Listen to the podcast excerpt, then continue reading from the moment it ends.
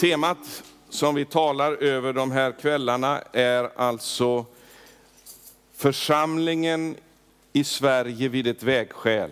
Rom eller Jerusalem. Jag vill att vi ska börja att titta på en eh, vers ifrån Judas brev. Och jag ber verkligen att du ska sitta bedjande här ikväll, därför att eh, jag är så beroende av att Herren ska, ska smörja det här budskapet med sin heligandes kraft. För att det ska vara till någon nytta. I Judas brev, den tredje versen där, så läser vi så här. Mina älskade, fastän jag är mycket ivrig att skriva till er om vår gemensamma frälsning, finner jag det nödvändigt att skriva till er och uppmana er att fortsätta kampen för den tro som en gång för alla har överlämnats åt det heliga. Det här skrevs eh, runt eh, 70 efter Kristus, eller i våran tideräkning, så som vi räknar tiden, eh, så skrevs det här ordet, där Judas som alltså var Jeshuas, eller Jesu egen bror, eh, fysiske bror, och eh, där han då skriver att nu nu hade jag tänkt att skriva till er om vår gemensamma frälsning för att uppbygga er på det sättet. Men jag finner det nödvändigt att nu uppmana er till att kämpa för den tro som en gång för alla, ser du det? En gång för alla har överlämnats åt det heliga. När Judas skriver de här orden så det, måste du komma ihåg att det har inte förekommit ett enda kyrkomöte. Det finns inga traditioner ifrån kyrkofäderna som har, som har, eh, de existerar inte ännu när han skriver detta. Med andra ord så 70 efter Kristus, eller vid, enligt vår tideräkning, så fanns den tron som har överlämnats av Gud till alla de heliga redan klar. Och jag vill säga någonting om det här att det som den helige ande har gjort under århundradena, från det att den här texten skrevs, är inte att lägga någonting till den här tron. Utan det är att återupprätta den här tron som började med profeterna och apostlarna i Jerusalem. Men redan alltså här i år 70 så har det börjat att bli en attack på den här tron. Och Paulus hade ju skrivit om det här eh, bland annat och varnat för avfallet som skulle komma att ske. Och det här känner ni till, många av er, speciellt ni som är äldre, att det finns en varning om att i den yttersta tiden så kommer det ett avfall ifrån tron. Och när jag växte upp så såg jag på det här som någonting i framtiden. Ja, i den yttersta tiden så kommer det att bli ett avfall. Och det är riktigt, det kommer att bli eh, ett speciellt avfall i den yttersta tiden. Men jag vill visa här att det här avfallet, det hände redan efter den första generationen. Vi ska titta på det här i, i uh, första, nu ska vi se, andra Thessalonikerbrevets andra kapitel ska vi börja med. Halleluja. Hoppas du har Bibeln med dig, annars får du anteckna eller skaffa undervisningen här efteråt på, på något sätt. Vi ska läsa ifrån den första versen här i andra Thessalonikerbrevets andra kapitel för sammanhangets skull, när det gäller vår Herre Jesu Kristi ankomst och hur vi ska samlas hos honom, ber vi er bröder att inte så plötsligt tappa fattningen och bli skrämda vare sig av någon ande eller av något ord eller brev som påstås komma från oss och som går ut på att Herrens dag har kommit. Låt ingen bedra er på något sätt, ty först måste avfallet komma. Ser du det att eh, Paulus skriver om ett avfall i bestämd form. Det är mycket viktigt att vi ser det här. Han säger inte att först måste ett avfall komma, utan han säger först måste avfallet komma. Det är ett mycket speciellt avfall här som, som eh, Paulus Eh, tar fram och som tydligen måste ha varit mer eller mindre bekant med de som tog emot det här brevet. Han påminner dem om att först måste avfallet äga rum. Och vi läser vidare här vad som står, till först måste avfallet komma och laglöshetens människa, det står i, i en fotnot här i min bibelöversättning, det är antikrist det. Och han kallas här för laglöshetens människa. Jag brukar kalla honom för mannen utan Moses. Mannen utan lag. Det handlar inte nämligen om svensk lag i första hand här. Det handlar inte om lagstiftning i, i, i människors ögon. Det handlar om Guds lag.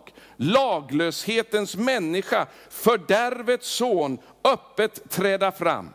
Motståndaren som förhäver sig över allt som kallas Gud eller heligt, så att han sätter sig i Guds tempel och säger sig vara Gud. Kommer ni inte ihåg att jag sa er detta när jag ännu var hos er? Med andra ord så hade Paulus redan talat till de här vännerna i Thessalonika om att det här avfallet ska komma i form av laglöshet. Nu ska vi se, i, i den grekiska grundtexten så finns det enbart två ställen i det nya testamentet där det här ordet för, som översatts med avfall här förekommer. Och det är dels då här i andra Thessalonikerbrevet 2 och sedan är det i Apostlagärningarnas eh, 21 kapitel. Och det är det grekiska ordet apostasia. Vi ska titta på det andra tillfället då det här ordet används. Om du går med mig till Apostlagärningarnas 21 kapitel, som handlar om Paulus ankomst, sista ankomst till Jerusalem. Och eh, hur han berättar då, det står i vers 19, för bröderna där om allt underbart som Gud har gjort genom hans tjänst bland hedningarna. Vers 20, när de hörde det prisade de Gud och sa, du ser broder att det finns tiotusentals judar som har kommit till tro och alla håller det strängt på lagen. Det här alltså handlade om den första församlingen, den som Jesus på ett alldeles speciellt sätt var med om att lägga grunden till, genom sina egna apostlar som blev ledare för den här församlingen. Och det var en församling som höll strängt på lagen. Samtidigt så läser vi i Apostlagärningarna att stor nåd var över dem alla. Och det här är en, en motsättning som, inte, som kyrkan har gjort mellan lag och nåd som inte fanns i den första församlingen. Nåd är nämligen inte, eller nåd är inte att vi ska kunna göra precis som vi vill. Jag vet inte om du har hört den här eh, definitionen. Frihet, det är inte att göra vad du vill, utan det är förmåga att göra det du ska. Därför när vi gör det som är rätt, då lever vi i verklig frihet, så som Gud har avsett att vi ska leva. Och eh, det här var någonting som man gjorde alltså i den första församlingen. Man upplevde Eh, en speciell nåd till att kunna leva enligt Guds förordningar som han hade utstakat genom Mose. Och därför så säger alltså ehm, Jakob här till Paulus, du ser alltså att det det finns tiotusentals judar som har kommit till tro. Låt mig bara göra en liten kommentar om det här. Alltså, tiotusentals, det är bra att det står så i den här nyare översättningen, därför att i den äldre tror jag det bara står tusentals. Men ordet betyder tiotusentals. Det antyder att det måste ha varit minst 30 000 troende i församlingen i Jerusalem. Eller hur? Många tiotusental står det nämligen i, den, i, i grundtexten. Och eh, man beräknar att minst en tredjedel, kanske upp till hälften av Jerusalems invånare vid den här tiden tillhörde församlingen. Det är en stark väckelse det. Efter så få år, bara efter några årtionden, så hade man genomsyrat Jerusalem så med evangeliet att minst en tredjedel av de här människorna som bodde i Jerusalem tillhörde församlingen. Och vi läser ju tidigare om att många, även bland prästerna, blev lydiga evangeliet och kom till tro. Och låt mig säga, det finns ingenting som antyder att de här prästerna slutade i sin tjänst. Utan de fortsatte med att tjäna som präster i templet. Och vi ska läsa om det här eh, framöver. Men nu står det så här i vers 21. Nu har de här människorna hört sägas att du lär alla judar ute bland hedningarna att avfalla från Mose. Det här var alltså andra tillfället som det här ordet apostasia används. Det används i relation till Mose lag, både här i Apostlagärningarna 21 och i andra Thessalonikerbrevets andra kapitel. Om du var med här igår så kanske du kommer ihåg att vi talade om Elias tjänst. Löftet om att Elia ska komma och upprätta allt. Eh, jag vill att du håller ett finger där i Apostlagärningarna och eh, slår upp Malaki 4 igen här, så ska vi titta på den texten som vi stannade vid igår. I den femte versen så står det, se jag ska sända till er profeten Elia innan Herrens dag kommer, den stora och fruktansvärda. Men ser du vad som står i versen innan? Det här hoppar man ofta över. Det står i den fjärde versen, kom ihåg min tjänare Mose lag, som jag gav honom befallning om på Horeb.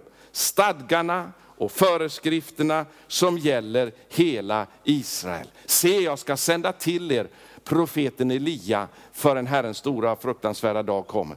Det vill säga alldeles innan övergången, det här är de sista profetorden som finns nedskrivna i det gamla förbundets, eller det första förbundets skrifter. Malaki var den sista profeten, efter Malaki så blev det tyst med uppenbarelse under 400 år till dess att Johannes döparen kom och var med att uppfylla en del av det här löftet.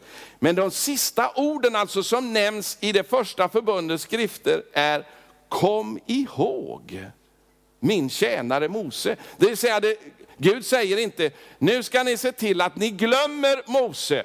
För det kommer snart ett nytt förbund och det har ingenting med Mose att göra. Utan se till nu att ni börjar vänja er bort ifrån Mose. Därför att snart kommer jag sända min tjänare Elia som ska introducera ett helt nytt förbund. Och då försvinner det, det första förbundet, då försvinner det gamla förbundet. Nej, så står det inte. Utan det står istället, i samband med det här löftet om ett nytt förbund som ska komma genom Messias, så står det, kom ihåg min tjänare Mose alla lagar och stadgar som jag gav honom befallning om på Horeb. Eh, som jag gav honom befallning om på Horeb, stadgarna och föreskrifterna som gäller hela Israel. Om du bara vänder några blad sen till Matteus eh, evangelium så ser du det första talet som finns nedskrivet av Jesus där. Bergspredikan kallar vi det för, den, den eh, starkaste predikan som någonsin har förkunnats. Och efter inledningen här så säger Jesus direkt i vers 17, vi går till alltså Matteus femte kapitel och vers 17. Omedelbart så, så deklarerar Jesus någonting väldigt tydligt här. För att det inte ska finnas någon förvirring eftersom han nu kommer med att introducera ett nytt förbund. Så säger han med en gång så här, tro inte att jag har kommit för att upphäva lagen och profeterna. Jag har inte kommit för att upphäva, utan för att fullborda. Amen säger jag er, innan himmel och jord förgår skall inte en enda bokstav, inte en prick i lagen förgå förrän allt har skett. Många i klassisk teologi säger att när Jesus uttalade orden på korset, det är fullbordat. Då var det gamla förbundet över och det nya förbundet började. Men det är ju så här, om du tittar innan till i texten här, så säger, så, så säger inte Jesus så här, eh, innan jag har dött och uppstått så ska inte en enda bokstav i lagen förgå förrän allt har skett. Utan han säger innan himmel och jord förgår. Jag vet inte om du såg att det var himmel och jord fortfarande innan du kom in i lokalen här. Det betyder att fortfarande så gäller Mose lag. Amen. Innan himmel och jord förgår så ska inte en enda bokstav, inte en prick i lagen förgå förrän allt har skett, eller allting har uppfyllts. Därför, den som därför upphäver ett av dessa minsta bud och lär människorna så, han ska kallas den minste i himmelriket. Men den som håller dem och lär människorna så, och lär människorna dem, han ska kallas stor i himmelriket. Jag säger er att om er rättfärdighet inte går långt utöver de skriftlärdas och fariseernas, så skall inte ni komma in i himmelriket. Så många har tagit fasta på evangeliet att det här är en gratisbiljett till himlen där det inte spelar någon roll hur vi, hur vi lever. Men Guds förordningar om rätt och fel och det som vi bör göra och det som vi inte bör göra, det gäller fortfarande. Nu vet vi att offertjänsten den har upphört och det finns andra saker i lagen som har ändrats på. Men själva Guds ord, det som har givits till oss genom Mose, det gäller fortfarande. Och det här är ett oerhört eh, viktigt ämne därför att eh, det var just här som församlingen började gå fel. Därför att när de judiska ledarna hade insomnat, och vi, vi citerade igår ifrån den här Hegesippus, och jag, jag vill gärna läsa det till faktiskt. Det här citatet som jag citerade från igår, eh, om vad som hände när de sista, den sista aposteln hade avsomnat. Eh, Hegesippus som var en judisk troende skrev i det andra århundradet, fram till den perioden, vilket var 98 enligt vår tideräkning, så hade församlingen varit som en ren och ofördärvad jungfru. Om det fanns några som var benägna att konstra med den sunda regeln att predika frälsning, så låg de ännu alla på lur i en eller annan dunkel vrå. Men när den invigda skaran av apostlar på olika sätt hade avslutat sina liv, och den generation av människor som hade bevärdigats att få lyssna till den gudomliga visdomen med egna öron hade försvunnit, då uppstod en sammansvärjning av falska lärare som när de såg att ingen av apostlarna längre levde, öppet och frimodigt började gå emot predikan av sanningen genom att förkunna det som kallas kunskap utan att vara det. Det är alltså ett citat ifrån andra Timoteusbrevet om den falskeligen så kallade kunskapen och som hänvisas till grekisk filosofi. Det var människor som var tränade i en bakgrund av grekiskt tänkande och som inte hade bakgrunden av Mose, precis som apostlarna och Jesus hade. För tänka att Jesus växte upp, från det han var fyra år gammal så fick han börja lära sig lagen utan till. Och, och, eh, det dröjde inte många år förrän han kunde hela lagen utan till, för det var så de judiska pojkarna uppfostrades på den tiden. Och vi vet ju att Jesus växte upp i ett oerhört eh, religiöst, gudfruktigt hem.